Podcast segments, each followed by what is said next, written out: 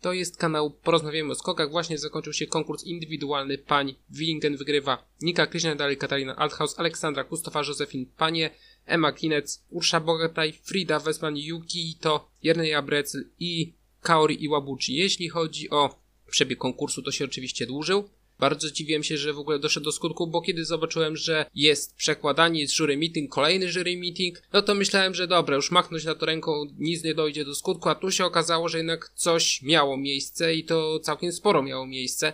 Co bardzo mnie zdziwiło, jeśli mam być szczery, bo naprawdę myślałem, że nie będzie nic, tym bardziej, że fiskapy zostały odwołane zanim w ogóle miały dojść do skutku. W każdym razie Krishnar z nowym rekordem skoczni 151 metrów, najdłuższy skok oddany przez kobietę, przynajmniej oficjalnie od Wikersund w 2004 roku, kiedy to wpuszczono Annette Sagen podczas Pucharu Kontynentalnego właśnie na Wikersund Bakken jeszcze nie przebudowaną ale no to robiło wrażenie, tym bardziej, że to nie był przypadek Kustowej, która skoczyła 150, ale no wiatr robił z nią bardzo różne rzeczy, chociaż Kustowa mimo wszystko dała radę jakoś się wybronić i nigdzie nie została tak rozhuśtana, żeby było poważne niebezpieczeństwo powtórzenia się sytuacji z Zajcem z prologu wiadomego. W każdym razie Krishnar, no w mojej opinii to wyglądało super w powietrzu, bo faktycznie pozycja była utrzymana cały czas mimo podmuchu, to było trzymana ta pozycja V i lądowanie też bardzo, bardzo pewne. Tam nie było tyle marku, powiedzmy, w takim klasycznym rozumieniu było na dwie nogi, ale błyskawicznie to wyprowadziło do telemarku. Szerokie prowadzenie w mojej opinii tam mogły być noty odrobinkę większe, bo to jest lądowanie wyraźne za rozmiarem skoczni. U pań to się bardzo rzadko zdarza, już na obiektach dużych, no to w zasadzie wcale. W mojej opinii 52 punkty troszeczkę za mało i gdyby to była rywalizacja mężczyzn, to spokojnie byłoby tam 55 i pół.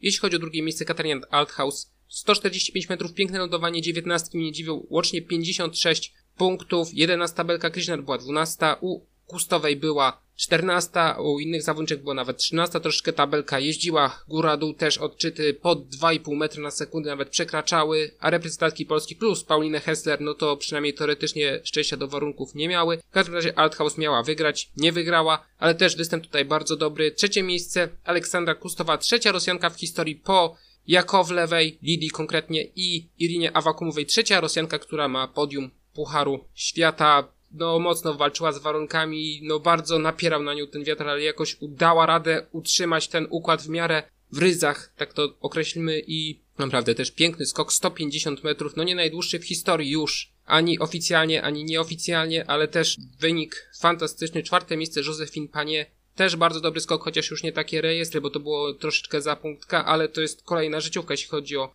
tą zawodniczkę, podobnie jak dzień wcześniej. Piąte miejsce Emma Klinec, występ porządny, aczkolwiek tutaj już takie odległości nie porażały. Raczej tutaj mówię o miejscach A, im dalej w las tym ze względu na bardzo krótką listę startową, która była jeszcze bardziej skrócona, no to przypadków naj było całkiem sporo. Szóste miejsce Ursza Bogataj, raczej technika się nie sprawdza przy tych warunkach i przy tej skoczni. Siódme miejsce Frida Westman, kolejna życiówka tej zawodniczki, bardzo dobry występ, może gdyby nie przyszedł to byłoby jeszcze troszeczkę lepiej. Ósme miejsce Yuki i to spodziewałem się troszeczkę więcej od tej zawodniczki przy tych warunkach, mimo że tuż przed nią została obniżona belka, to jednak się spodziewałem, że tam punktka spokojnie zostanie przekroczony. Dziewiąte miejsce Jerneja Brecl, wyrównana, najlepsza pozycja w karierze, ale i tak była tradycyjnie z siebie niezadowolona. I dziesiąta Kaori Iwabuchi, występ powiedzmy na miarę oczekiwań. Dalej, po kolei jedenasta Siria Obset, rozczarowanie przynajmniej dla mnie, że tutaj ani razu się nawet w okolicach podium nie zakręciła w, y, powiedzmy w rywalizacji głównej. 12 miejsce Speja Rogel, 13 Nika Preut, 14 Anna Odina Strem, 15 Juliane Zajfart, 16 Julia Kekenen, 17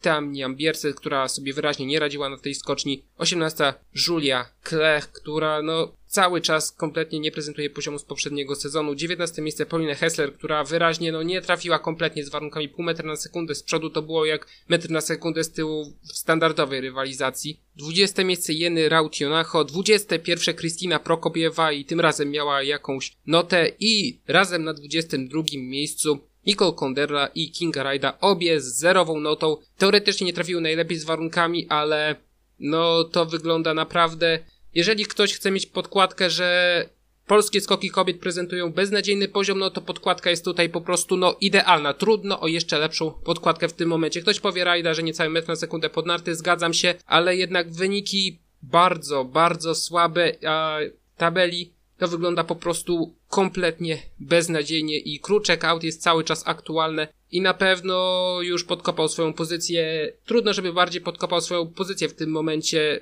jeśli chodzi o aspekty stricte trenerskie.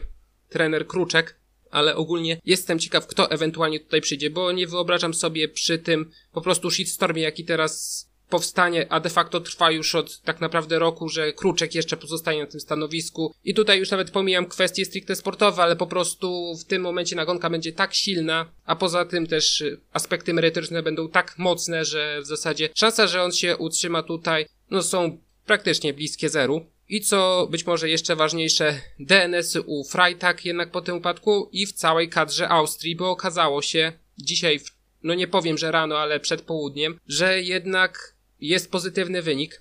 Kilkanaście minut później okazało się, że to jest Marita Kramer. I jest walka oczywiście o to, żeby jednak Kramer pojechała na igrzyska, bo jeśli znowu miałoby dojść do tego, że Kramer kolejny raz bez medalu i tym razem miałby w ogóle nie pojechać na igrzyska, no to byłby po prostu tak paskudny i podły przypadek, że no ręce opadają.